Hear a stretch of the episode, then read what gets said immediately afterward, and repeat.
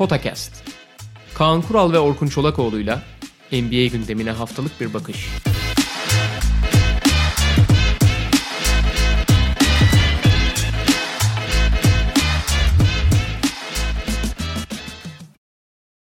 Merhaba, Podcast'a hoş geldiniz. Kaan Kural'la birlikte sezonun tekrar başlangıcı öncesinde son programımız oluyor ve geçen hafta işte biraz daha genel konuşmuştuk. Bugün belli takımlara biraz daha odaklanabiliriz. Özellikle şampiyonluk ihtimali yüksek olanlar ve bunun yanında bilhassa Batı Konferansı'nda önemli bir playoff yarışı var. O yarışın içerisinde yani 8. sıra için verilen yarış içerisinde yer alan takımlara da değineceğiz. Hazırlık maçlarında neler öne çıktı, hangi performanslar öne çıktı biraz bunlardan da bahsedeceğiz. Bilmiyorum hangisinden başlamak istersin Kaan abi. Yani playoff geldiği zaman zaten esas şampiyonluk adaylarından bahsedeceğiz ama şu an itibariyle yani bunlara biliyorsun NBA bu oynanacak 8'er maça normal sezon maçı demiyor. Hı hı. Sıralama maçları diyor. Ya bu sıralama maçları içinde sıralama maçlarının en büyük önemi, en büyük anlamı batıdaki 8. yarışı olacak. Tabii ki aradaki e, sıralamayı belirlemek önemli ama ev sahibi avantajı olmayacağı için hı hı. ve 3 aşağı 5 yukarı işte Milwaukee'nin, Lakers'ın hatta Clippers'ın durumu da rahat olduğu için öyle bir hani birincili olmak, ikinci olmak yani tabii 4 5 6 sıralamasını küçümsemek için söylemiyorum ama e, esas şey dikkat çekicidir abi. Yani bu 8 maçta en belirleyici olan o batıdaki 8. yarışı olacak. Bence orada Oraya odaklanırız ve bu yarışta gerçekçi olmak gerekirse şeyi söyleyeyim. Phoenix çok iyi gözüküyor abi. Yani gerçekten iyi basketbol oynuyorlar. Çok dinamik gözüküyorlar. Çok iştahlı gözüküyorlar. Zaten genç iştahlı bir takım olduğun zaman bu hazırlık maçları için konuşuyorum tabii de o havada gelirsen bu kadar büyük bir aradan sonra o iştah, o çabukluk falan büyük fark yaratır. Takım o da gözüküyor sahada. Fakat Phoenix'in yani önündeki dört tane takımı geçmesi falan yani hayal gibi bir şey. Şey olsa sadece Memphis'in arkasında olsalar dört maça kadar gelebilirlerdi. Yani o tek maçlık eliminasyon şeyine kadar gelebilirlerdi ama önlerinde üç takım daha var geçmeleri gereken. Dört takım daha var geçmeleri gereken. Olacak iş değil o. Altı maç Memphis'le de aralarındaki fark. Şöyle altı maçı dör, dörde yani... Evet yani altıdan dörde indirmesi gerekiyor. Aynen. Dinleyicilerimiz biliyordur. Eğer 8. ile 9. arasındaki fark 4 maç veya azsa bir eleme maçı oynanacak. Oraya getirebilirdi Phoenix durumu. Ama başka takım işte Portland, San Antonio, Sacramento, New Orleans olduğu için arada olmaz o iş yani. Ama Phoenix kolay olmayacaktır onu söyleyeyim. Diğer tarafta San Antonio ise tam tersine en azından derece olarak belki gelebilecek gibiydi ama onlar da buraya açıkçası 8. sırayı almak için gelmediklerini deklare ettiler yani. Hani Prek Popovic net bir şekilde zaten hani kolay olmadığını ee, ama zaten onlar için şu anda önemli olanın takımı geliştirmek olduğunu, daha iyiye gitmek olduğunu, genç oyunculara süre vermek olduğunu söyledi. Zaten e, bu şey hazırlık maçlarında kendi koşuk yapmadı. Bir Beckham'ına yaptırdı, bir şeye yaptırdı falan. San Antonio'da hiç o amaçla gelmiyor. Acı ama diğer takımlar yani Sacramento tabii ki Memphis zaten orada. Sacramento, New Orleans, Portland ve Memphis dörtlüsünden bence büyük ihtimalle hani dört maçlık fark olmayacak 8-9 arasında. Bu tak- dört takımdan iki tanesi şey oynayacak. Eleme maçı oynayacak. Bu dördüdür esas mücadeleyi veren bence. Ee, Sacramento e, pandemi öncesi çok güzel bir denge bulmuştu. Sacramento'dan başlayayım sonra sana bırakacağım. Hı hı. Bu denge de temelde şuydu. Belki de biraz tesadüfler, biraz zorlamayla oldu ama çok güzel o. Yani çok denk geldi. Bir kere Buddy Hield'ın e, sezon başında kontrat uzatmayı isterken de gösterdiği e, bir hafif süper yıldız sendromu baş gösterdi. Yani ben her topu atarım, yani ben Kobe'yim yaklaşımına çok gelmeye başladı Buddy Hield. Bu da özellikle Darren Fox da sakatken çok önemli bir bilek sakatlığı yaşadı Darren Fox. Belli bir süre oynayamadı falan ama o göndükten sonra da bir türlü Darren Fox'la veya bu takımın istediği hızlı hücumda çabuk karar verme üzerine değil, Buddy Hield'ın kendi başına oynaması biraz takımın o dengesini bozmuştu yani asıl hücum sistemini. Hield'ı ikinci beşe alarak, ilk beşten çıkararak hem Bogdanovic gibi toplu oynayabilen ve aynı zamanda skor tehdit alan birini aldılar. Hem Darren Fox'un çok çok daha takımı istediği gibi yönetmesine izin verdiler. Hield da kenardan girip yedeklerle istediği kadar top attı. E, maçın sonunda birlikte oynadıklarında yani Buddy Hield ilk beşinle birlikte oynadığı dönemlerde de bir şekilde her topu atmasına gerek kalmadı. Diğer bölümde çünkü çok yani ikinci beşte oynarken 8 tane şut attığı için hani 9. atma ihtiyacı o kadar da duymuyordu yani. Hı hı.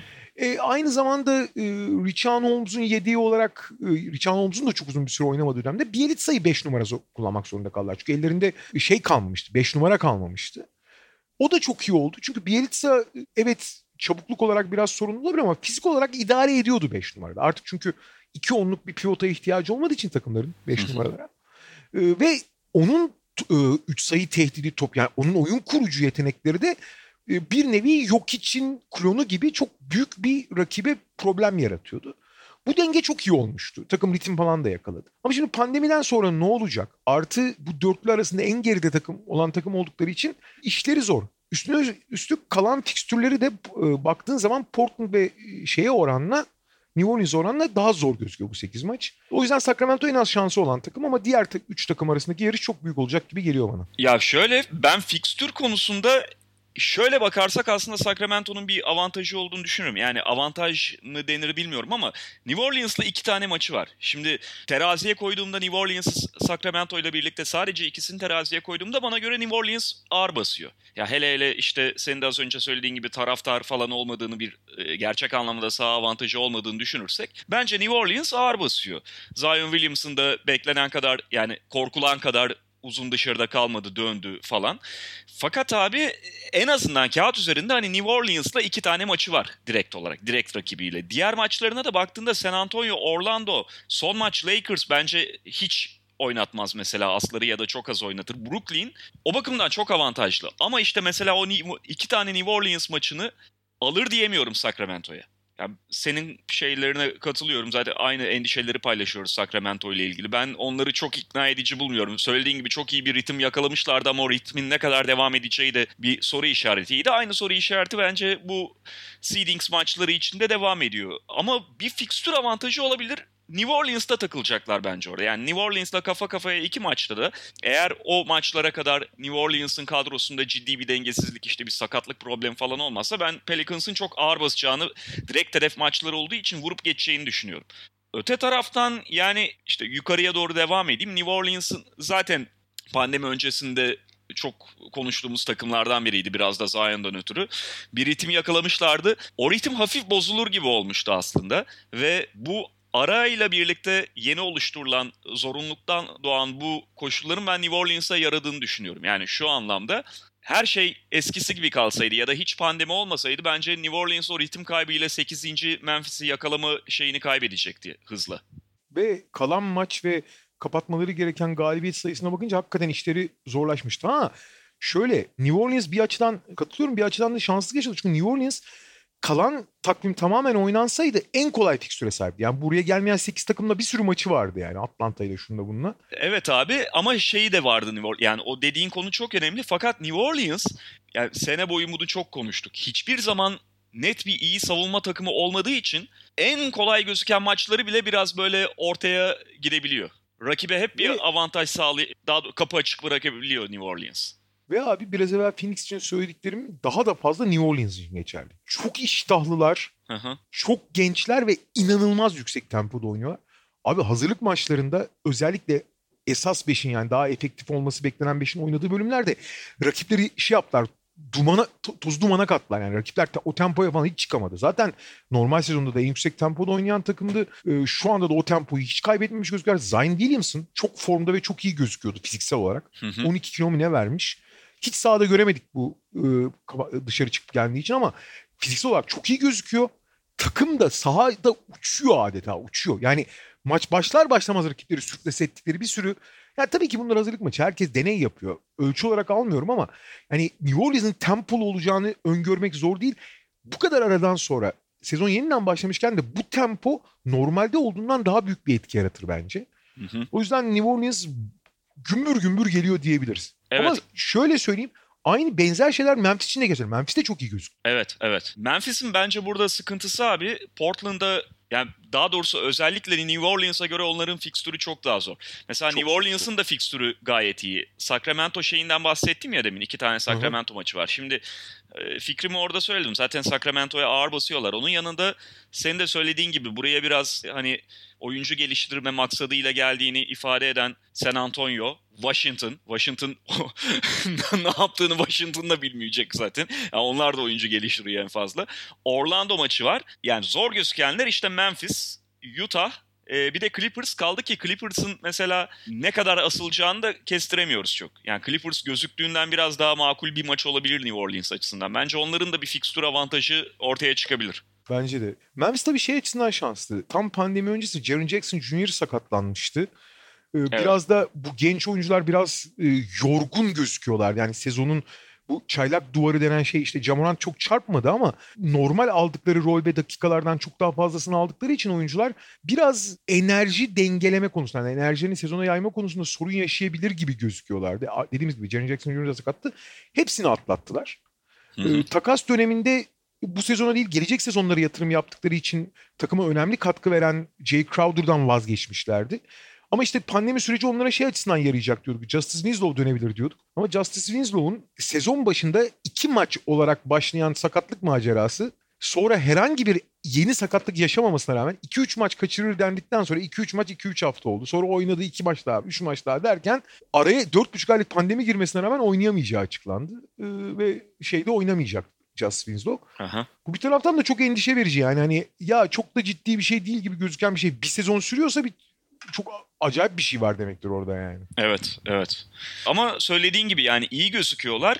Çok iyi gözüküyorlar. Bununla birlikte hiç mesela bu hazırlık maçlarında falan bir şey görmüyor olsak, oradan bir e, veri elde etmiyor olsak ben Memphis açısından ciddi tehlikeler görüyordum. Yani hem fikstürleri bakımından hem aşağıdan işte demin konuştuğumuz New Orleans'ın ve Portland'ın ciddi tehditler yaratması e, nedeniyle. Çünkü Portland'da Portland bu aradan en fazla faydalanan takımlardan biri. Birincisi biliyorsun ara öncesinde Lillard'ın kası problem yaratıyordu. Hı hı. Ve yani öyle bir noktadaydı ki Portland Lillard'ın parmağı incinse bunu kaldıramayacak kadar incelmişti takım ve Lillard'a bağımlı hale gelmişti. Şimdi bir tazelenme fırsatı buldular ve en önemlisi Yusuf Nurkic ile Zach Collins'i tekrar kazandılar. Hele hele Yusuf Nurkic'in dönüşü çok önemli. Yusuf Nurkic bundan bir buçuk yıl önce sakatlandığında Portland'ın en önemli ikinci oyuncusu haline gelmişti. Artı yani Hasan Whiteside'ın rakamları falan çok etkileyici olabilir. Kendini verdiğinde de çok verimli olabilir ama kendini verdiği yani 5 pozisyondan bir tanesinde veriyor. O yüzden hani mümkünse sahaya çıkarmak istemezsin artık modern basketbol prensiplerinde. Fakat o yüzden itibariyle de tam bir kara delik Hasan sen ona top verirsen geri gelmez o top yani. Çünkü onu ya pas vermeyi ne biliyor ne becerebiliyor zaten. Yusuf Nurkic tam tersine ciddi bir pas istasyonu. Bu da Lillard McCollum temelli bir takım için bu iki oyuncunun hayatını çok kolaylaştıran, zenginleştiren bir unsur. Yani atıyorum başka tür bir pivotun var işte forvetlerin işlerini kolaylaştırır mesela. O o kadar katkı sağlamaz Portland'da ama bu iki gardın hayatını bu kadar kolaylaştıran bir oyun olduğu zaman verdiği artı değer üçe katlanıyor belki de yani. Aynen. Ha, tabii bir buçuk senelik sakatlıktan sonra ritim bulması falan kolay değil. Ama ne olursa olsun çok çok önemli bir katkı.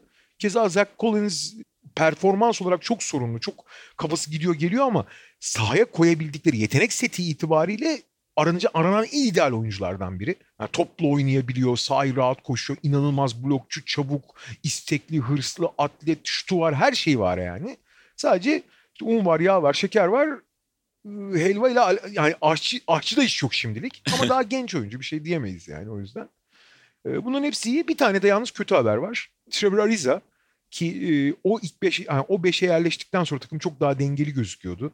Ariza belki eski gücünde falan Lakers günleriyle falan kıyaslamıyoruz ama burada kendine çok uygun bu 3 D dediğimiz çünkü Ariza'yı e, Lakers günlerinden sonra bireysel performansı haricinde daha az değerli kılan önemli şeylerden biri basketbolun değişimiydi. Artık kanatların sadece savunma atıp üçlük atması istenmiyor. tamam böyle de oynayabilirsin ama bu yeterli gelmiyor. Yani kanadın topla bir şey üretmesini de istiyorsun.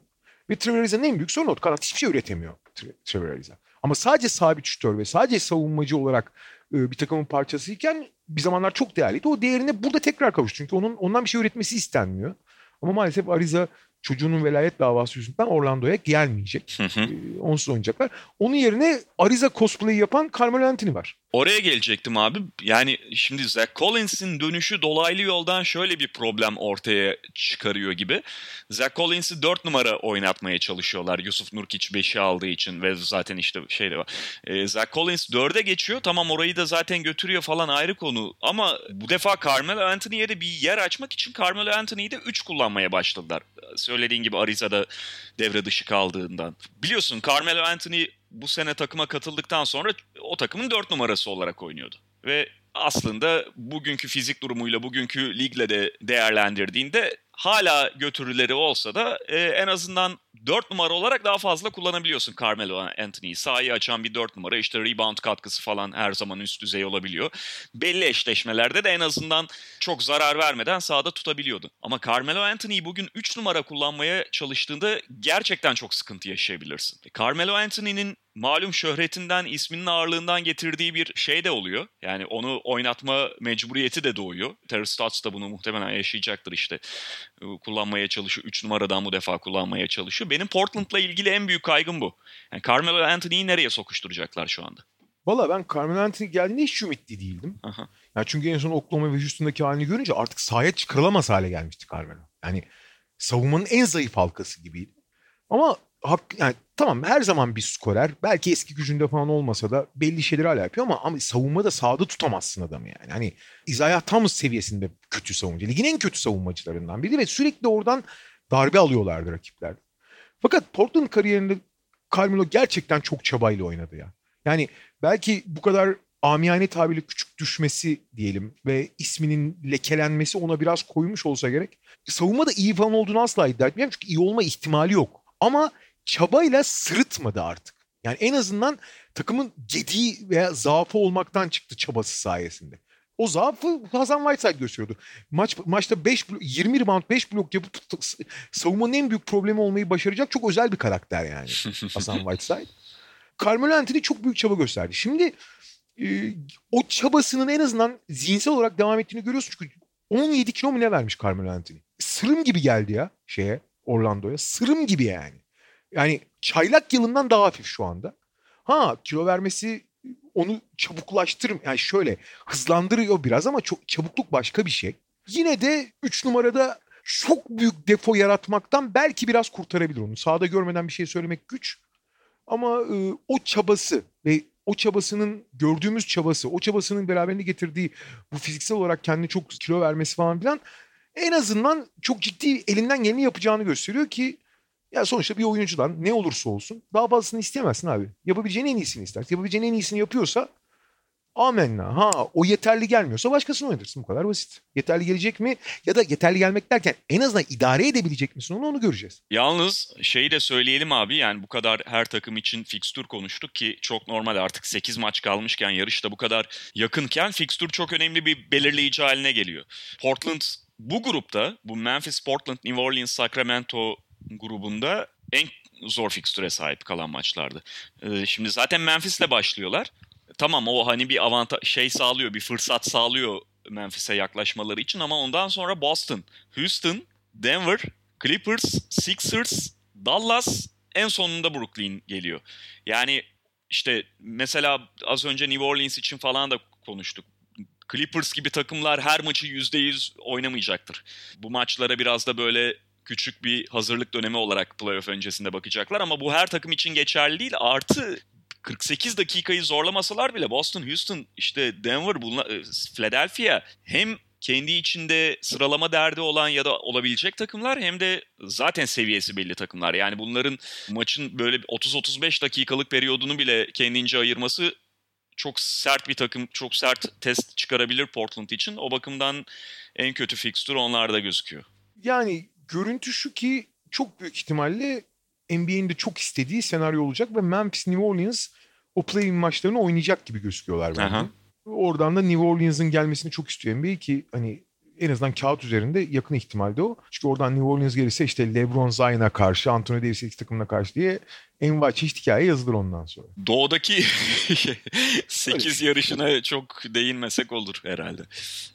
Doğuda da aslında çok ilginç bir 8 yarışı var öyle deme. Hani sonuçta Brooklyn veya Washington'dan biri Orlando'nun ben onları geçeceğini düşünüyorum da. Aha. Brooklyn veya Washington'dan biri öyle ya da böyle 8. olacak ki çok büyük ihtimalle Brooklyn olacak.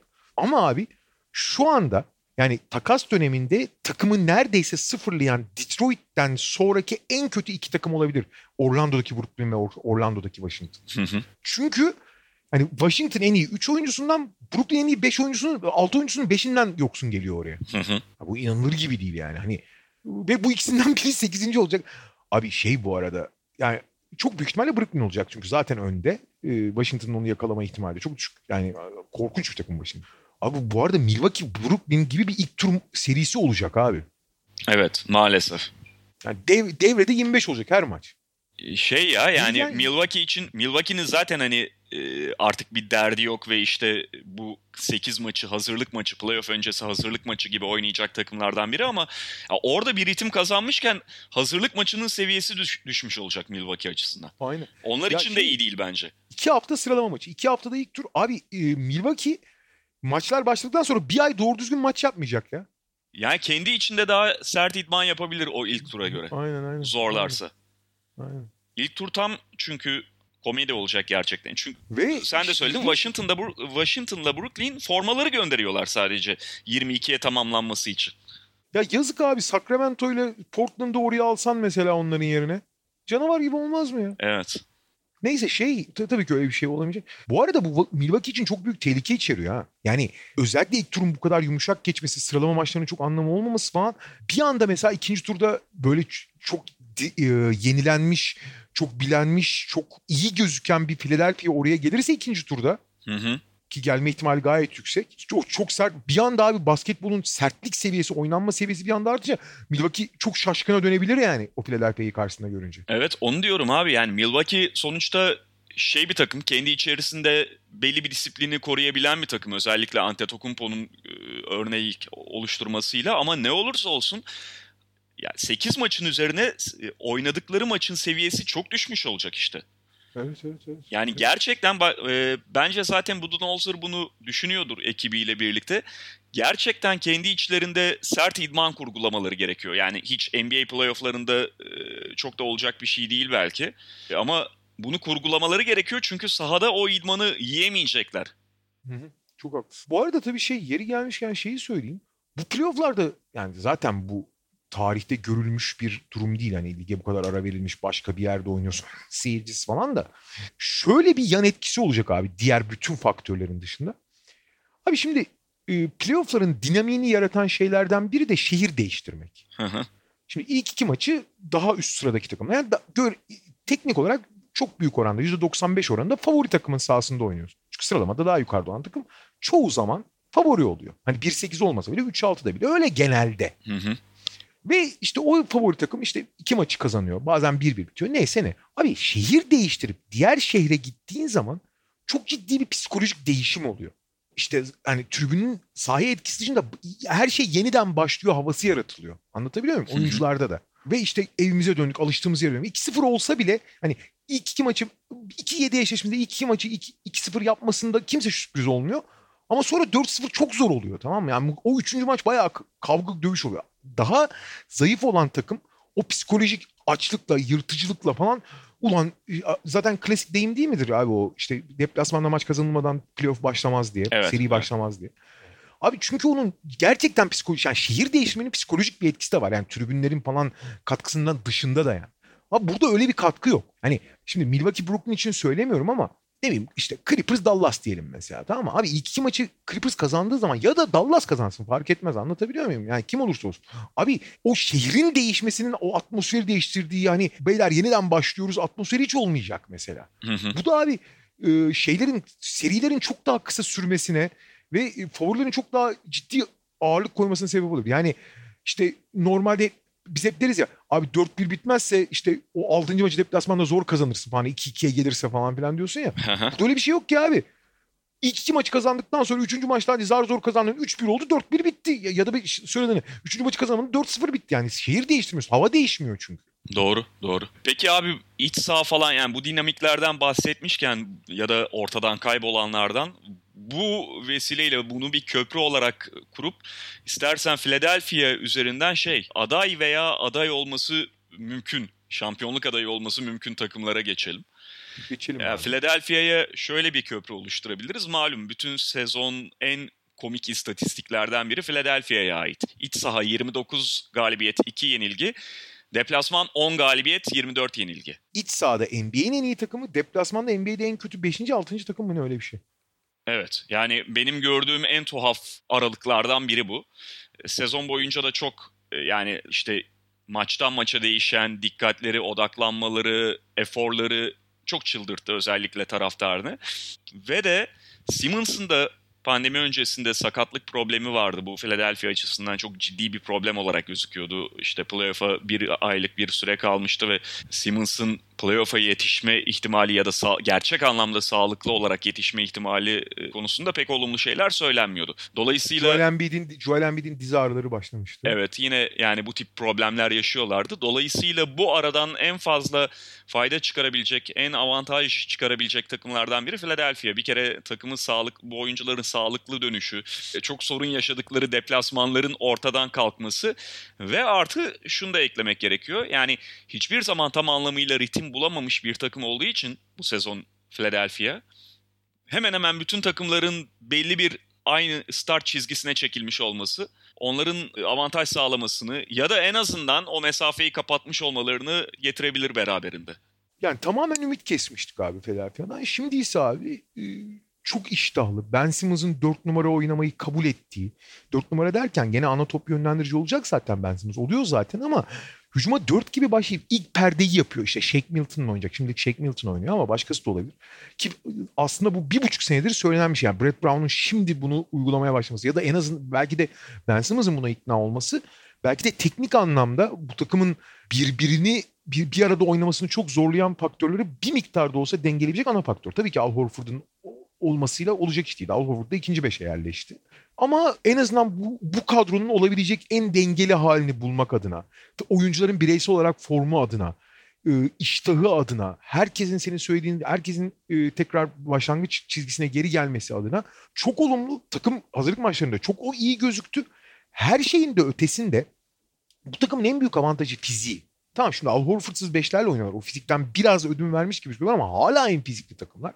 Ve abi bütün takımların uyum, ahenk, e, sinerji üzerinden kurgulanmasının zor olduğu dar bir süreçte fizik, fizik avantajının daha fazla bir faktör olabileceği bir ortamda Philadelphia şimdi ciddi ciddi tekrar aktör durumuna gelmiş. Çünkü hakikaten pandemi öncesi ben şampiyonluk yarışında kesinlikle aktör olamaz konumuna sokmuştum ki pek çok kişi de öyleydi.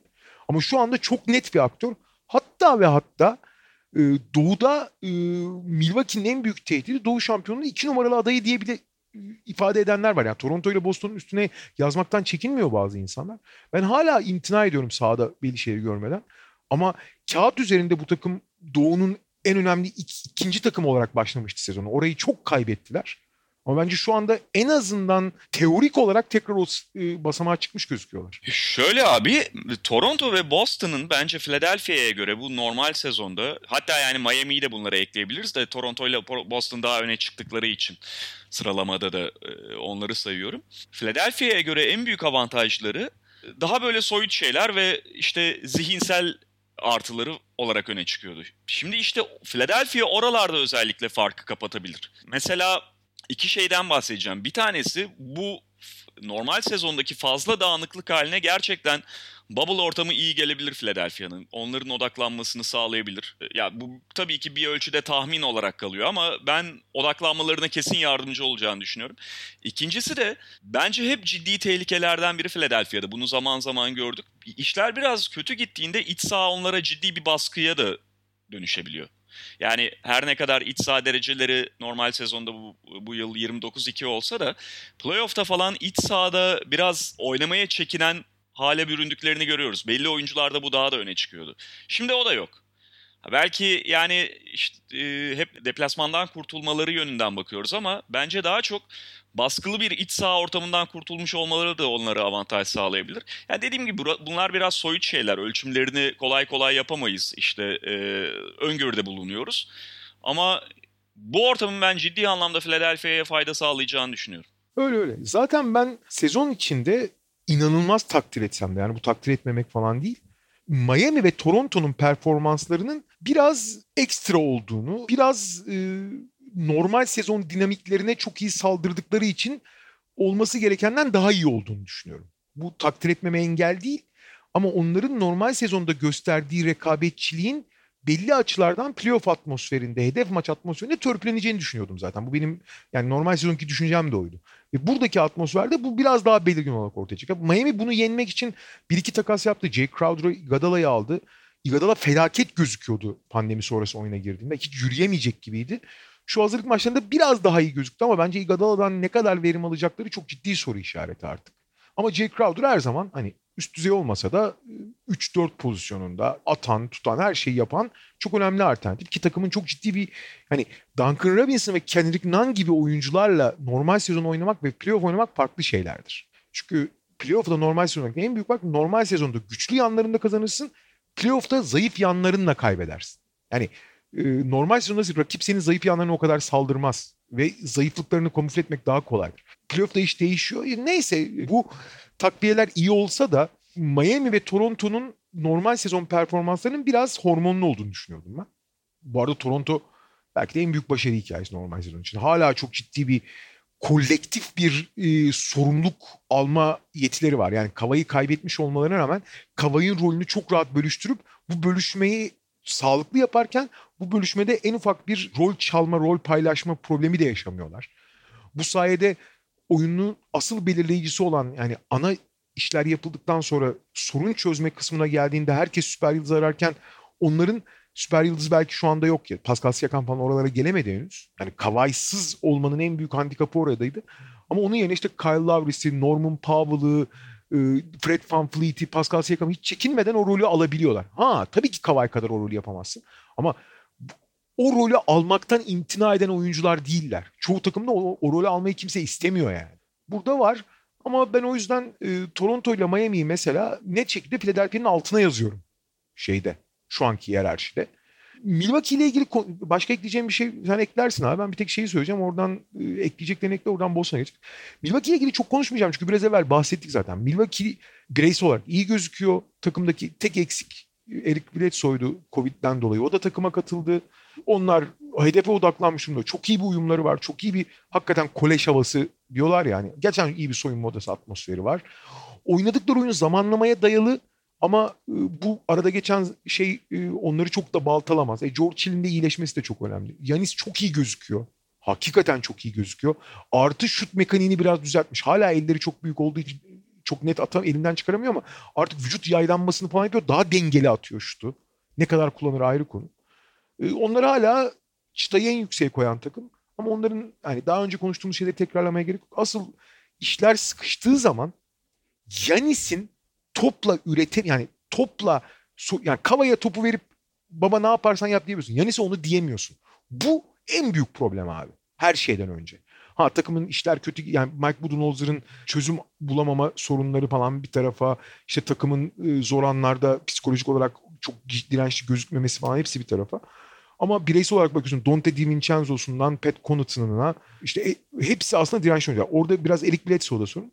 Yine iş girip gelip Chris Middleton'ın ne kadar önemli bir tamamlayıcı yıldız olabileceğine bakacak.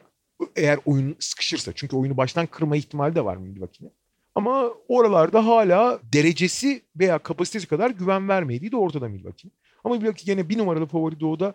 Ben iki numaraya Philadelphia'yı yazıyorum. Toronto ile Miami'yi aşağı yazıyorum. Burada en büyük dilema benim için Boston. Senin ekleyeceklerin varsa eklersin. Oradan da ekle ondan sonra Boston'a geçeriz abi. Tabii. Abi Milwaukee'ye şöyle yani aslında senden çok farklı bir şey söylemeyeceğim. Ben işte Milwaukee biliyorsun çok şut temelli oynayan bir oyun e, şey e, takım. Sonuçta Antetokounmpo'nun etrafında o sahayı açmaları lazım. Bunu da normalde yapıyorlar. Sahada da bunun sonucunu alıyorlar. Ama geçen sene mesela biraz bocaladıklarında, biraz e, o ritmi kaybettiklerinde belki takım psikolojisi de bunda önemli etkendi. Nasıl da aldıklarını görmüştük. Mike Budenholzer'da o Toronto serisinin 2-0'dan kaybedilmesini mesela şey çok büyük yanlışlar yapmadık ama şutlarımız girmedi. Temelde problem buydu gibisinden e, açıklıyordu. E, ama benim işte buradaki endişem yani şut sonuçta ritimle çok bağlantılı bir durum ve bu kadar büyük bir aradan sonra daha önce geçen hafta da konuşmuş olmalıyız. Yani normalde basketbolcuların off season'la bile vermedikleri kadar bir top arası e, vermelerinin ardından bu ritimleri etkilenir mi diye bakıyordum ama gözüken o ki hayır onu tekrar kazanmış olacaklar. Belki daha boş bir sahada oynamaların, daha boş bir ortamda oynamaların falan da faydası olabilir. Tek Milwaukee ile ilgili kaygım biraz önce dile getirdiğim o playoff'a daha doğrusu playoff'un gerçek anlamda kendileri için başlayacak kısmına çok tuhaf bir yoldan gelecek olmaları. Yani 8 maçın üzerine saçma sapan bir Brooklyn ya da Washington serisi oynayacaklar. O Milwaukee'ye ufak bir ritim kaybı getirebilir beraberinde. Hocam Milwaukee helva gibi olur mu ne diyorsun? Olabilir. Olabilir. Şey, ya buradan Boston'a geçelim. Yoksa senin söylediklerine ekleyeceğim bir şey yok. Geçelim. Merak ediyorum abi. Boston bence yani zaten bu süreçte takımları öngörmek hiç kolay değil onu söylüyoruz da. Boston en önemli dilemayı oluşturuyor bence ya. Yani e, performans aralığı en tuhaf olabilecek takım gibi. Yani bir de öyle bir yerde bırakmıştık ki abi. Hani Jason Tatum hakikaten inanılmaz bir sıçrama yapmıştı. Doğu'nun en iyi 12. 13. oyuncusundan Doğu'nun en iyi ikinci oyuncusu konumuna gelmişti. Ee, takım gerçekten çok iyi bir ritim yakalamış. Ee, müthiş bir sinerjiye sahipti. Bu arada Jason Tatum'un çıkışından dolayı biraz göz ardı edilse de Jalen Brown da çok iyi. Önemli bir e, gelişim göstermişti. Kemba Walker'ın yokluğunu hissetmemişlerdi vesaire vesaire. Top paylaşımı sorunu kalmamıştı. Ama abi bunların hepsinin aynı sürece denk geldiği için bu sürecin çok formda çok büyük bir çıkış yakaladıkları dönem mi? Yoksa bu oyuncuların beklenen gelişiminin artık yavaş yavaş sezon içinde oturması mı? Bunun yanıtını bile tam olarak alamadık. Bu ara ne kadar etkiler bilemiyoruz. Takımın ne olursa olsun özellikle playofflarda çok daha önemli rol alacak olan belki oyun olarak en iyi oyuncusu Jason Tatum olabilir ama takımın liderlik etmesi gereken oyuncu ve bunu yapabileceğini gösteren Kemba Walker sakattı pandemi döneminden önce dizi ağrıyordu. Dört buçuk ay sonra hala dizi ağrıyor abi. Yani bu da endişe verici falan gibi onlarca soru işareti olan ve e, hakikaten e, hazırlık döneminde bence çok iyi gözükmediler hazırlık maçlarında. Ama çok da normal yani bir anda tekrar öyle ligin en sinerjiden beslenen takımlarından biri. Böyle birbirleriyle oynamaktan beslenen takımlarından biri. Onların tabii ki hemen ritim bulmasını beklemiyorsun. Ama bilemiyorum abi yani tavanları çok yüksek. Yani Doğu şampiyonu olmalı ihtimalleri gayet var. Ama abi çok bocalama ihtimalleri de var bir taraftan. Çünkü abi bu yani Milwaukee ya da Philadelphia ile kıyasladığımızda hatta Toronto'yu da bu kümeye dahil edelim. En büyük bilinmezle, en büyük kritik bilinmezle sezona, sezonun tekrar başlangıcına gelen takım Boston. Senin de işaret ettiğin Kemba Walker konusu. Yani gerçekten Kemba Walker hangi seviyede olacak o bireysel anlamda çok büyük bir belirleyici Boston açısından da. Söylediğin gibi belki artık Tatum takımın en değerli oyuncusu koltuğunu aldı işte başka bakımlardan daha öne çıkan oyuncular var ama Kemba Walker'ın %100'üne ihtiyacı var Boston Celtics'in. Eğer gelip Milwaukee Bucks'ı mesela sıkıntı çıkarabilecekse ya da Philadelphia'nın Philadelphia ile eşleştiklerinde Sixers tarafında olan o fizik avantajını bir şekilde farklı yönlerden dengeleyebilecekse. Mesela Celtics Sixers'ın sezon içerisinde oynadığı son maçtı galiba hatırlayalım. Ondan önceki 3 maçı Sixers kazanmıştı. Umarım yanlış hatırlamıyorumdur maçı ama hep şeyde Sixers'a problem yaratıyorlar. Yani topla Kemba Walker topu yönlendirirken Sixers işte biraz gömüldüğünde uzunu tepeye çıkarmayıp geriye düşürdüğünde oradan çat diye şutu sokuyor Kemba Walker. Ya o bakımdan çok ters geliyorlar Sixers'a ama işte sürekli onun için Kemba Walker'a ihtiyaçları var. Çünkü başka bir tehlike Celtics'in bench'i Stevens'ı kullanabildiği ve belli bakımlardan katkı verebilen bir bench. Ama Kemba Walker'ın skorerliğini oradan alamıyorsun. Tabii. Şöyle hazırlık döneminde Marcus Smart da bayağı kilo vermiş görmüşsündür. Bayağı toplu oynuyor falan canavar gibi. Yani normal şartlarda Kemba Walker yerine Marcus Smart koyarken hele ki Kemba'nın asıl skorerliğini paylaşabilecek çok oyuncu varken kağıt üzerinde çok bir şey kaybetmiş bir Ama senin söylediğin bu tehdit unsurunu kaybetmek oyunun oynanış şeklini değiştiriyor. Öyle bir durum var işte. Evet ve şey yani mesela Kemba Walker'ın rolünü evet ilk beşte paylaştırabiliyorsun ama gerçekten e, kenardan skor katkısı çok düşük kalıyor. O yüzden totalde yine aslında Walker'ın skoruna muhtaç oluyorsun. Yani şey çok... bu şey basit matematik gibi ama oyunun sonunda ona çok ihtiyacı oluyor Kemba şey e, Boston Celtics. Tabii Boston'ın bir de şöyle bir sorunu var. Brad Stevens'ın şemaları takımın işte hani birbirinden güç alarak işte sinerjiyle beslenmesi ki bu pandemiden sonra o sinerjiyi bulmak kolay olmayacak. Akıcılığı Aha. ve ahengi. O ahenk bazen işte Brad Wanamaker olsun, Enes veya başka birinin girip bir şeyler verebildiğini görüyorsun tamam mı? Ama bu Hı-hı. takımdaki diğer oyuncular. Takımda aslında 5 kişi oynuyor. Evet. Yani ilk beşteki dört oyuncu artı Marcus Smart. Yani Daniel Tice'ı saymıyorum. Onların diğerlerinin hepsi boşlukları dolduran kartonlar gibiler. Ha Brad Stevens sayesinde takımın uyumu sayesinde o, o rolde gerçekten iyi işler de yapıyorlar. Brad Bennington'un gerçekten iyi maçları var. Yani işte Grant Williams'dan verim aldıkları, Semi Ojeley'den verim aldıkları şeyler var. Ama playoff performansı denen şeyi ancak 5 kişiden alabiliyorlar. Ve bu 5 kişinin yanına yani bu 5 kişinin rolü aslında birbirine çok yakın roller olduğu için farklı rolleri yapacak oyuncu. Yani en azından Daniel Tice ilk 5'te oynatmaları gerekiyor vesaire vesaire. Kemba Walker'dan alacaklarını mesela Marcus Smart'tan çok fazla alamıyorsun. O oyuncular ne olursa olsun bir dakika almak zorunda. Bilemiyorum yani bıraktığımız noktada olsaydık yani işte atıyorum bugün 12 Mart olsaydı mesela ben Boston'ın Milwaukee'nin en büyük rakibi olduğunu net söylerdim. Şimdi bilemiyorum ya. Bilemiyorum. Şimdi bir Walker'ı görelim. Evet Walker. Ben gene Philadelphia'nın altını, arkasında üçüncü yani Toronto ile birlikte üçüncü sırayı yazacağım. Toronto ile Toronto'nun hatta önüne koyarım. En azından potansiyel olarak.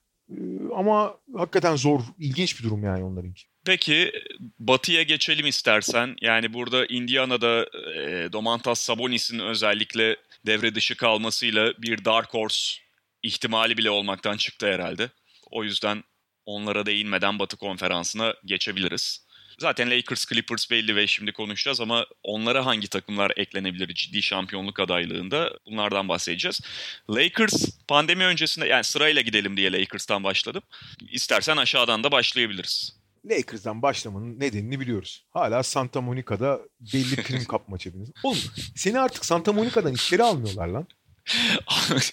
o, o pandemi Oğlum, yüzünden abi yoksa her zaman girerim. Oğlum Napa'nın güneyine gelmesin demişler senin için. gelmesin demişler. Geldiğinde yokmuş benim duyduğum kadarıyla. Napa'nın güneyine indiğini görülmemiş. Sacramento maçlarına gidiyor diyorlar. Deplasmanlarda yaşıyoruz şeyi e, Lakers tutkumuzu. Los Angeles sınırlarına giremiyormuşsun oğlum. Ben ne yapayım? Ya ne yani? giremeyeceğim abi ya. Los Angeles'ta yani filmcisi de bizim, sporcusu da bizim, esnafı da bizim, restorancısı da bizim. Evet aşağıdan mı yukarıdan mı? Hangisinden başlayalım? Yuk yukarıdan yukarıdan. Yukarıdan. Ee, ya pandemi öncesinde en aslında istim üzerindeki takımlardan biri belki birincisiydi Lakers. Malum üst üste Milwaukee ve Clippers galibiyetleri var.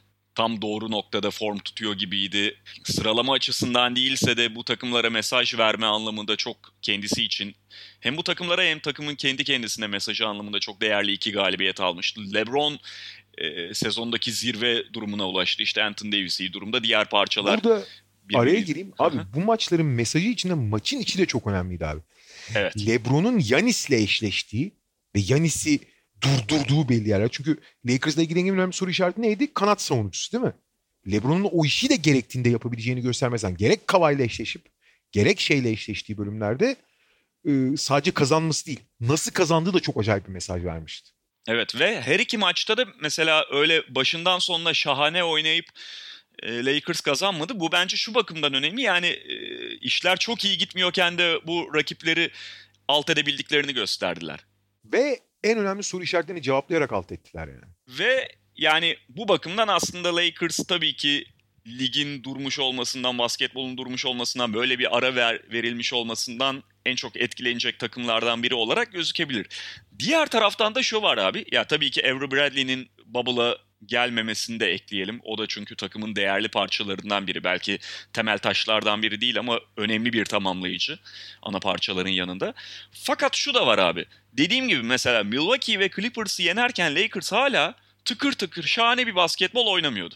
O bakımdan Lakers acayip bir ritim bulmuştu da bir anda onu kaybettiler gibi bir durum yok bence. Yani e, Philadelphia gibi bir dağınıklığı da olmamakla birlikte Lakers sonuçta LeBron etrafında bir oyun oynadığı için, LeBron ve Anthony Davis etrafında bir oyun oynadığı için 3 yılda ara verilse bu oyuncular çok iyi durumda olduğu sürece bunu bir şekilde 2 aylığına tekrar e, kendi oyununu muhafaza edebilir, ortaya çıkarabilir.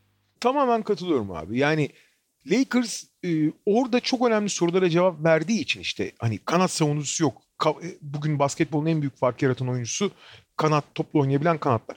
Al abi gördük. Yani gerek tepeden yani kanattan hücum edip pot altına giriyor ama gerek Yanis gerek Kavay bunun yani şaikanın şaikası iki oyuncuya karşı LeBron belli süreler en azından bunu yapabileceğini bunun bir evet hala en zaaf olabilir ama e, şey e, hala e, bir eksiklik olabilir ama ciddi bir zaaf olmayacağını gösterdi. Bence en önemlisi buydu. Bu değişmedi ki abi. E zaten abi LeBron'un oynadığı takım abi bugün LeBron'un işte pandemi sürecinde farklı bir uygulamaya gidilse takımlar birleştirilse mesela tamam mı? İşte işte şey yapıyoruz. Üçer takım birleşiyor. Abi gene LeBron'un takımı LeBron'un takımı olacak ya. Çünkü LeBron zaten ortada oynanacak şeyin %75'ine 80'ine LeBron karar veriyor zaten. Hı hı. Ha tabii ki belli şeyleri kaybedecekler. Mesela Lakers çok önemli şey ritimlerini yakalamıştı. Açık saha gördükleri anda rakip sahada ne, şeyi alıyorlardı. Soluğu alıyorlardı. Ve ligin en çabuk fast break bulan takımıydı. Ve en fazla fast break bulan takımı. Ama transition oyun sıfıra yakındı. Yani açık saha yoksa hemen yarı sahada yavaş oynuyorlardı. Yani o yüzden çok kutuplaştırıcı. Bunun alışkanlık çok zor bir alışkanlıktır bu. Yani hız imkanı varsa tam gaz yoksa yavaşlamak yani bu arada kafanın bir ona bir ona gitmemesi biraz hızlı biraz yavaş olmaması çok zor bir şeydir. O alışkanlık gerektirir. Ama herkes problem yaşıyor. Bu büyük bir problem değil yani sonuç itibariyle. Sezon boyunca en büyük soru işaretlerinden belki de sorunlardan biri Kuzma'ydı. O hala sorun ama ona yapabilecekleri fazla bir şey yok. Avery Bradley'nin yokluğunu olabilecek en mantıklı şekilde to- to- e, kapattılar. J.R. Smith ve Dion Waiters aldılar. İki tane ağır çatlak. diğer ha, diğer 29 takımda olsa hayatta bir şey olmaz derim ama LeBron'un yanında onun LeBron'un hani teknik ve psikolojik liderliği etrafında performans verebilme ihtim- ihtimalleri en yüksek oyuncular. Hele Dion Waiters aslında fiziksel olarak falan çok uygun abi. Hem fizikli hem kuvvetli uzun kollu vesaire falan filan. LeBron onları kontrol ettiği sürece performans da verirler. Yani Avery Bradley'i uyum açısından belki değil ama performans açısından rahatlıkla kapatabilir. E daha ne olsun abi? Yani Ya şey Waiters'a hiçbir zaman yani sahada iyi gözüktüğünde bile ben güvenemiyorum stili itibariyle ama sonuçta işte LeBron'un yanında takım anlamında söylüyorum. Var olduğu için kontrolde tutulabilir ama mesela sahadaki dakikaları hep LeBron'un oturduğu dakikalar olmalı muhtemelen. Özellikle Rondo'da yoksa. J.R. Smith bir, bir, bir konuda yalnız haksızlık yapılıyor abi. Onu düzeltmem lazım. Waiters hakikaten şuursuz, salağın teki tamam mı? Şey. Fakat abi savunmada ç- şey değil adam. Yani üst düzey savunmacı olduğunu iddia etmeyeceğim ama fizik özelliklerinden dolayı ortalamanın üstünde savunmacı ve savunmada oyundan düşmüyor. Hücumda ne kadar kafası gidiyor ve saçmalıyorsa işine gideceğini savunmada düşmüyor abi. Savunmada dikkatli bir oyuncu. Yani ki Lakers'ın bence asıl aradığı o biraz. Ama işte şey yani muhtemel mümkün olduğunca LeBron'la yan yana tutmayacaksın. Esas J.R. Smith iyi gözüktü abi. Bayağı iyi gözüktü. Yani çünkü o LeBron'un yanında da daha fazla e, işe yarayacak bir oyuncu malum. Yani saha açacak zaten. Başka bir şey beklemeyeceksin. O da zaten aynı şeyi falan söylüyor demeçlerine. Yani ben hani yolu tıkamamaya çalışacağım gibi bir demeç vermiş. O kadar iyi şut atarsa ben hiç beklemiyordum bu kadar keskin dönmesini. Çünkü herif bir buçuk yıldır falan uzak sonuçta. Kendi kendine çalışıyor. O zaman bir işe yarayabilir. Yani kontrol altında tutulabilir. Yani La- Lakers zaten pandemi öncesi 3 büyük şampiyonluk adayından biri gözüküyordu. Aha. Ee, Oradan pek bir şey kaybettiler. Milwaukee'yle yani çok paralel şeyler söyleyeceğim. Burada şey olan benim şampiyonluk bir numaralı şampiyonluk adayım. Hı hı. Ee, Sezon başından beri değişmedi. Burada bir, esas ilginç soru işaretleri barındıran takım biraz Clippers oldu. Hı hı. Ben açıkçası pandemi döneminin Milwaukee ve Lakers oranında daha çok yarayacağını düşünüyordum onlara. Çünkü onların oyunları çok bölük pörçük olduğu için yani çok parça parça oyuncular üzerinden ve sahadaki oyuncuların diğerleriyle ilişkisi üzerine kurgulanmadan bir oyun oynadıkları için pandemi sürecinde sonrasında da çok rahat bunu oynayabileceklerini. Üstelik sezon boyunca sakatlıklarla boğuştuğu için hiç kendini bulamamış Paul George için iyi bir dönem olacağını, Kavay'ın dinlenmesinin onun yararına olacağını, e, epey ö- özellikle ufak tefek bir sürü ekleme yaptılar. Reggie Jackson olsun, Marcus Morris olsun. Onların uyum açısından da iyi olacağını düşünüyordum. Fakat bunların hiçbiri olmadı. Daha doğrusu Paul George dışında hiçbiri olmadı. Paul. George çok iyi gözüküyor abi. Yani hakikaten çok yaramış. Bu dinlenmeye çok ihtiyacım. Bomba gibi gözüküyor Paul George. Sezon boyunca hiç çok kısa bir süre dışında hiç gözükmediği kadar iyi gözüküyor. Fakat bir abi bu pandemiden en çok etkilenen takım oldu. Antrenmanlar başladı. Başlar başlamaz kapatmak zorunda kaldılar Temmuz'un başında Los Angeles'taki kampı. Çünkü 3 kişide koronavirüs belirlendi. 2 kişide koronavirüs Hı hı. belirlendi. Landry Shamet ve e, Zubat. Onlar çok geç katıldı kampa zaten. Marcus Morris çok geç katıldı. Patrick Beverly, Montrezl Harrell geldi gitmek zorunda kaldılar. Lou Williams geldi bir arkadaşının cenazesine gitti. Sonra strip kul- kulüpte eğlenirken basıldı. ve e, 10 günlük karantinaya tabi tutuldu. İlk iki maçta oynayamayacak hatta. Hiç şöyle Kavay'la George sahada olduğu için sanki problem yokmuş gibi gözüküyor. Ama abi takım bir yani doğru düzgün idman yapamadılar abi bir arada. Ha, Evet. idmana belki az ihtiyaçları var ama bu kadar da değil abi. Bu kadar da değil yani. Aynen aynen. Yani Doug Rivers bir şeyleri basketbol anlamında oturtamamaktan ziyade takımın bu bir türlü playoff öncesi gereken ruh haline girememesinden şikayetçidir ki biraz demeçlerine yansıyor zaten o. Abi zaten ocağa kadar biliyorsun Duck Rivers yani bir, izleyenler için de öyle Duck Rivers için 3 kat daha geçerli. beyler hadi ya biraz ciddiye alın ya. Basketbol yani ciddi oynayın. iyi oynayın değil ya da uyumlu oynayın. Ciddi. Hakikaten bir o da yani bölük pörçüklük biraz oyun disipline de çok yansımıştı Clippers'ın. Derli toplu bir maç gibi oynamıyorlardı. Tamam birbiriyle yani 5 kişinin ahengi üzerinden oynamayabilirsin. Ama oyun ciddiyeti içinde ro- rolünü ve e, görevini aksatmadan oynamanın engeli değildir bu yani. Abi ancak Ocak sonu Şubat itibariyle Clippers kendi standartlarında oynamaya başladı. Paul George'un eksiğine ya da şuna buna rağmen. Ve şimdi tekrar onu kaybetmiş gibi gözüküyor. O riskle karşı karşıyalar. En acayibi abi bu pandemi sonrası bütün kilit oyunculara bakıyorsun. Herkes kendine çok iyi bakmış. Çok iyi gözüküyor. Abi Kavay çok kötü gözüküyor. çok kötü gözüküyor yani. Yani tamamen ritimden falan çıkmış. Eminim çok iyi bakmış. Çok iyi bir profesyonel kendine ama bu onun e, durdukça iltihabı artan kuat sorunu mudur? Genel ritim kaybı mıdır? Nedir bilmiyorum ama şu anda hazırlık döneminin ilk günü, hazırlık kampının ilk gününde gibi gözüküyor Kavay. Hakikaten çok şey gözüküyor. Ha tabii endişe verecek bir şey yok o kadar. Çünkü bu ilk 8, bu 8 maçın onlar için çok bir önemi de yok. Ee, yani oraya kadar ne hale gelirler? Tekrar işte herkes geliyor. Lou Williams da 10 gün e, hapishane hayatı yaşayacak karantinada falan ama sonuçta ta- tam kadroya kavuştular.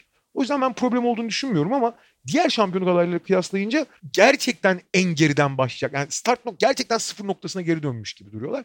Bir tek işte Paul George dışında Reggie Jackson da çok iyi gözüküyor abi.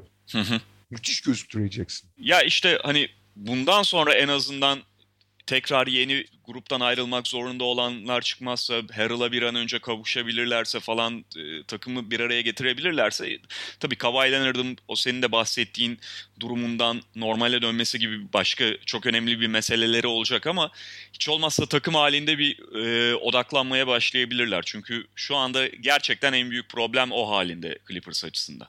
Yani özellikle bu son Lou Williams olayına Doug Rivers çok bozulmuştur. Belki kamera önünde ifade ettiğinden çok daha fazla bozulmuştur. En azından ben öyle tahmin ediyorum.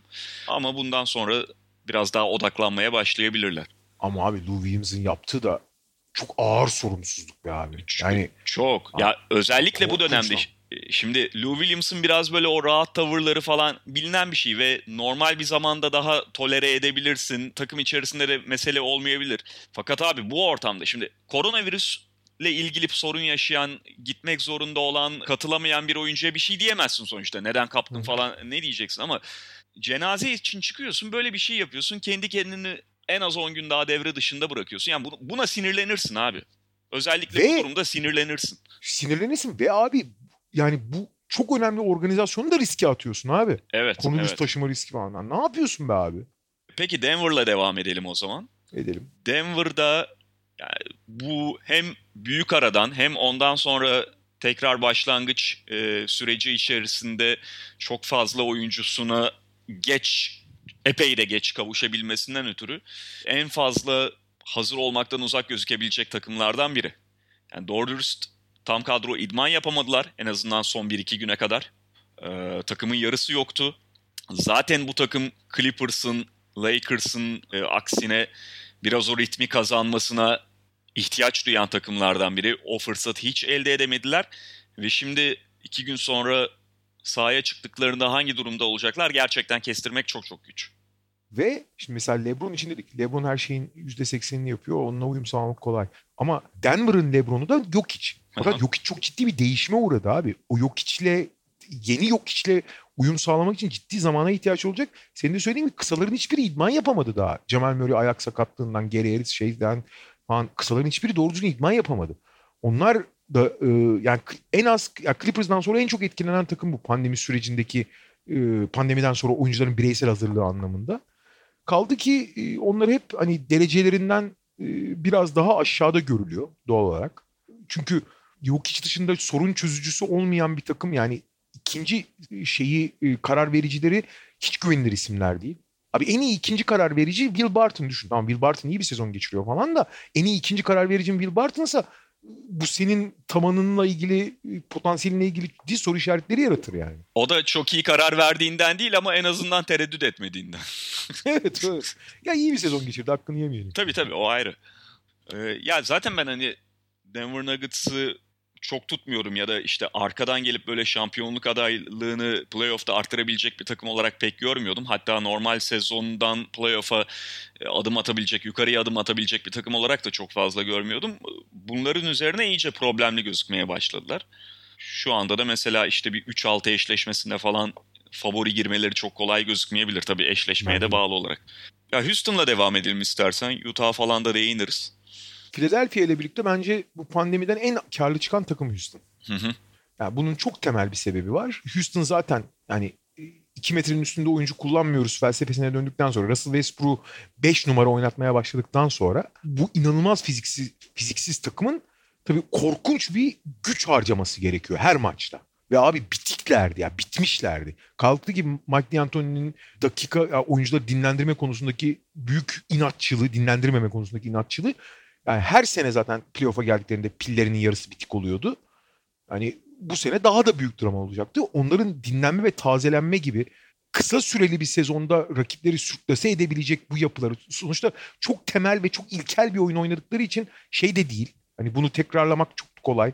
James Harden da kilo vermiş çok formda gözüküyor. Hazırlık maçlarında ortalığı birbirine kattı zaten. Evet. İnanın. Yani sezon başında o ilk bir buçuk aylık periyodu hatırlıyorsun. 40 sayı ortalamayla falan oynuyordu ve paramparça ediyordu. O halinde gözüküyor. Yani inanılmaz yani Bill Chamberlain ölçeğinde skorer gibi gözüküyor şu anda. Yani Houston gerçekten çok büyük kork, inanılmaz bir deney yapıyor. Fakat bu deneyin başarılı olabilmesi için laboratuvar ortamı hazırlandı. Yani işte hep şey diyorum yani rüzgar direnci falan ortadan kalktı. Yani laboratuvar ortamında yapacaklar deneyi. Bu deney başarılı olacaksa ancak burada olur. Bu yüzden de bir aktör oldular. Bazı eşleşmeler çok kötü. Mesela atıyorum iyi olmasına gerek yok. Kendi standartlarında bir Clippers'ı geçme ihtimalleri yok bence. Clippers çok kötü bir eşleşme onlar için. Clippers onları yer abi. Ama Clippers'la eşleş mesela Lakers Clippers eşleşmesinde Lakers'ın şansı eşit diyebilirsin. Ama Lakers Lakers mesela Clippers Houston'a çok rahat üstünlüyor. Ama Houston e, Lakers'ın çok canını sıkabilir abi. Çok sıkabilir hem de. Kim nasıl eşleşecekler, ne olacak e, onu göreceğiz. Orada sıralama o önemli. Ama Houston abi çok Clippers hariç için herkes için çok çok tehlikeli yani. Yani üzerinde hemen yer alan işte Oklahoma City, Utah bunları da geçme anlamında ciddi bir aday. Bir tek şey kötüydü. Ben bu aranın e, sezon boyunca sakatlıklardan tam kurtulamayan e, Eric Gordon'a da çok iyi geleceğini düşünüyorum. Çünkü Eric Gordon da onlar için çok önemli. Eric Gordon çünkü takımın en yani Harden ve Westbrook dışında topu eline teslim ettikleri Tiegane oyuncusu ve güvenerek teslim ettikleri. Fakat felaket bir sezon geçiriyordu biliyorsun Eric Gordon. Kendi standartlarını bulursa Houston için ideal olacağını düşünüyordum. Maalesef Gordon döner dönmez tekrar sakatlandı. Bileğini, bu sabah. Iyi, iyiydi. iyi gözüktü bu arada. Yani ara yaramış ona ama bileğini burktu tekrar. Ve öyle yani çok basit bir burkma da değil. Bir süre yani sezonun ilk 1-2 maçını kaçırabilir gibi. Hatta da bir daha yani 3 yani 5-6 maça kadar uzayabilir deniyor. Evet, yani evet, iyileşme yani. sürecine bakacaklar. Evet. Utah Jazz tabii çok ciddi bir kayıp yaşadı Bogdanovic'in olmamasıyla ee, ve Utah'da mesela tekrar yukarıyı tehdit eder. Belli eşleşmelerde özellikle ciddi tehdit haline e, gelme potansiyeli varsa da belki Bogdanovic ile birlikte o ihtimali kaybettiler. Ee, şöyle bir artı, şöyle bir iyi haber var Utah açısından. Mike Conley gerçekten iyi gözüküyor. Hazırlık maçlarında iyi gözüktü. Bu sevindiriciydi. Bir türlü çünkü sezon boyunca o istikrarı sağlayamamıştı. E, sakatlık problemi de oldu vesaire. E, hiç Mike Conley'i alırken düşündürdüklerini sahaya koyamadı Utah onunla birlikte. Ama işte Bogdanovic'in ikamesini nasıl yapacaklarsa şeyde sahada. Yani evet yerine oynayacak birileri var. Joe Ingles'ı, Royce O'Neal'ı bir şekilde koyuyorsun. Sahayı 5 kişiyi doldurabiliyorsun ama bir onun şut tehdidi, iki belli eşleşmelerde kalıp olarak doldurabilmesi onun nasıl dolduracak Utah Jazz bilemiyoruz. Ve Utah çok dar bir kadro abi. Yani bazı takımlar var işte hani atıyorum mesela Patrick Beverly olmasa Clippers çok az şey kaybeder tamam mı? Alternatif. Abi tak, takımın yedekleri çok zayıf. Yani senin fiziksel olarak kompanse etmek dışında oyuncu kalitesi anlamında da çok kaybediyorsun abi. Hani hakikaten çok zor. Artı şimdi Mike Conley, Bogdanovic yerine Mike Conley geldi değil mi? Mike Conley de iyi oynarsa eğer her şey. Abi nasıl bir fiziksel dezavantaja düştüğünü düşünebiliyor musun? Hı hı. Mike Conley, Donovan Mitchell arka alanı. Yanlarına İngiliz, Royce O'Neal. Tam Gober arkadaki en iyi kaleci belki de. Abi stopersiz sahaya çıkıyor gibisin yani. Hani ne olacak abi bu iş? Bir o, iki Utah sinerjiden en fazla güç alan takımdır. Zaten her sezona yavaş başlayıp yavaş yavaş Quinn Snyder'ın sistemleri oturdukça kendini bulan, yani bir dizel lokomotif gibi yavaş yavaş hızlanan bir takımdı. Zaten oradan büyük bir handikaptalar. Yani lige ara verilmiş olmasının teknik anlamda en zorlayacağı takımdı. Bu gerçek değişmedi. Bütün bunlar yetmezmiş ki ne kadar olacağını bilmiyoruz.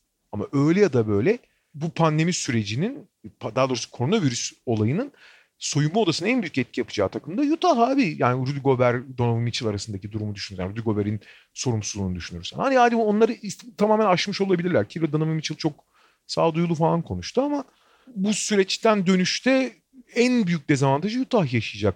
Teknik olarak da, kimya olarak da soyunma odasında da artı personel olarak da. Sen o fizik konusundan bahsettin. Hatta geçen seneden sonra yaşadıkları değişim de zaten bu sezonun belli bir kısmında da ufalmanın bedelini ödemeye başlamışlardı. Evet, İşin evet. özellikle savunma tarafında. Şimdi Mike Conley bu takıma evet çok kağıt üzerinde oturuyordu. Çok da istiyorlardı. Geçen seneden beri istiyorlardı ama sonuçta Ricky Rubio'dan Mike Conley'e indiğin zaman çok ufalıyorsun. Evet. Fiziksel Ve- açıdan. Bir Ve de şeyin Donovan Mitchell bir oynadığı zaman daha verimli oluyor abi. E, evet ve şey işte 4 numarada da zaten Derek Favors'ı kullanan bir takımdı Utah Jazz öncesinde. Orada da kısaldılar. Yani Bogdanovic varken de kısalmıştı zaten. Bir de işte yani sezon başının mesela önemli Utah açısından ikilem yaratan konularından biri. Şimdi e, Joe Ingles en iyi dönemini ne zaman geçirdi mesela? Mike Conley yokken geçirdi. Yani Ingles'ı ritme sokmak için Ingles'a da biraz top vermen gerekiyor. E Donovan, Mitchell öyle. Sen az önce söyledin. Mike Conley zaten öyle. Bunlar arasında topla yönlendirme rolünü nasıl paylaştıracaksın? Ve Bogdanovic yok. Yani hepsi, hepsinin en çok aradığı, arayacağı oyuncu Bogdanovic yok. O bakımdan Utah Jazz biraz işte Indiana gibi onlar da Dark Horse'luktan çıktılar bu kayıpla maalesef. Öyle gözüküyor. Peki diğer takımlarla ilgili eklemek istediğin bir şey var mıydı? Valla Oklahoma City ve şey yok benim ekleyeceğim. Oklahoma City ve Dallas'la ilgili olarak da abi ikisi e, Oklahoma City bir kere çok dar bir kadrosuna bir transfer yaptı ki bence önemli. Andre Robertson iki buçuk yıl aradan sonra hı. döndü ve gayet de iyi gözüktü ya. Yani ben inanamadım ne kadar sağlıklı gözüktüğüne. İyi boş ver. Sağlıklı gözüktüğüne yani. Evet ve şu Bu çok bakımdan şu bakımdan avantaj sağlıyor. Şimdi Thunder'ın senin de hep söylediğin 3 kartlı yapısı 5'i onlara çok büyük artılar getiriyor ama fizikli kanatlara karşı eşleşebilecekleri 2 olsun 3 olsun oyuncu bulmakta zorlanıyorlardı. Robertson onu sağlayabilir. Ve o üç kartlı düzenleri zaten hani maç boyunca 15 dakikadan fazla çok oynatamıyorsun. Biz, hani avantaj yakaladıktan sonra çok büyük dezavantajlar da yaratıyor. Çünkü o avantajları belli yerlerde kullanması. Şimdi o diğer bölümleri doldurabilecek her şey bir yana zaten 6 kişiyle oynayan bir takım ve diğer oyunculardan çok az verim alabilen bir takıma bir tane gerçekten alternatif oyuncu yarattın ki yani olabilecek en iyi senaryo belki de ama onlar da işte e, bu üç kartlı düzenin sürprizleri, e, Chris Paul'un liderliği falan derken rakiplerin iyi gözükmediği anlarda veya rakiplerin kendi performans sınırlarına yaklaşmadığı yerlerden çok büyük avantajlar yakalıyorlardı. Onlar da mesela bence biraz Miami gibi kısmen Toronto gibi normal sezon dinamiklerinden çok besleniyorlardı. Ee, Playoff'taki performanslarının belli bir yerde kalacağını. Yani rakip sorun yaşarsa cezalandırırlar ama rakibin çıtasına kadar çıkamayacaklarını düşünüyordum ben. Robertson eklemesi önemli ama bu düşüncem çok değişmedi. Kimle eşleştikleri ve rakibin eş, o eşleşme mesela dağınık sakatlıklarla boğuşan bir Denver'la eşleşirse de Denver'ı perişan edebilirler mesela. Hı hı. Ama iyi durumda tam kadro bir Denver'la çıkarlarsa o zaman o kadar şey değil o iş. Yani kolay değil. Ya da atıyorum bir şekilde Clippers'la oynarlarsa falan Clippers param şey yapar yani onlara e, şans tanımaz kolay kolay. Dallas'ın durumu da biraz benziyor bence. Onlar e, Powell'ı e, kaybettiler sonra Jalen Brunson'u da kaybettiler. Jalen Brunson da yok. Şimdi Powell ve Jalen Brunson bu takımın en önemli parçaları mı? Değil. Zaten çok geniş bir kadro kullanabiliyor Rick Carlisle. Fakat Powell en önemli pick and roll saplanıcısıydı. Belki de tek pick and roll partneri. Pick pop partneri çok ama pick and roll'un tek partneriydi. Çok az Maxi Kleber yapabiliyor yapamıyor. Bu opsiyon ellerinden gitti.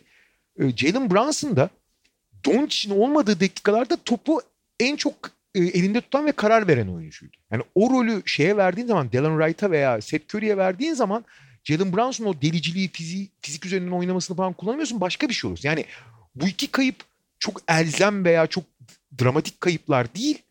Ama takımı farklı kılan, çok boyutlu kılan birkaç şeyi elinden almış oluyorsun. şey yapacak. da- ha, pardon abi sen da- devam. Onları biraz sinir, sınırlandırıyor ama tabii diğer taraftan da hani bu aranın çok yorgun gözüken Doncic'e gene belli bir oranda yorulan Porzingis'e iyi geldiğini de söylemek lazım öbür yanda. Artı Porzingis'in çok ciddi bir zihniyet değişimiyle 5 numara oynamayı kabul ettiğini ve 5 numara oynamak istediğini söylemesi falan da çok olumlu. Ama ben Oklahoma City ile Dallas'ı biraz aynı kefeye koyuyorum. Rakiplere çok problem çıkarabilirler ama rakipler kendi standartlarının altına düşerse. Evet. Bu Brunson konusunda şeyi ekleyeceğim abi. Yani oraya belli ki Barea'yı sok- sokacak. Daha fazla öne çıkaracak. Ama işte Barea çok yaşlandı. Yani Brunson'dan da ufak tefek. Ve herif çok ağır bir sakatlıktan geliyor.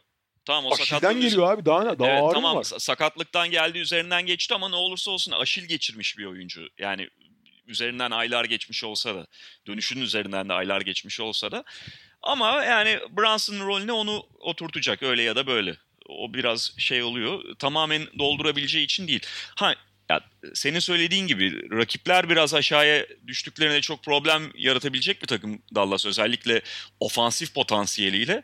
Fakat abi yani özellikle e, Porzingis 5 etrafında epey kısa bir dörtlü tamamlamayla ne kadar Doncic rebound katkısı veriyor olsa da bu takım reboundlarda çok acı çekecek yani.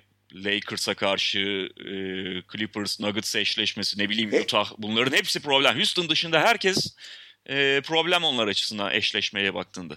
Rebound artı genel savunma abi. Hani hakikaten savunma anlamında falan çok çok sorunlu takım yani. Evet.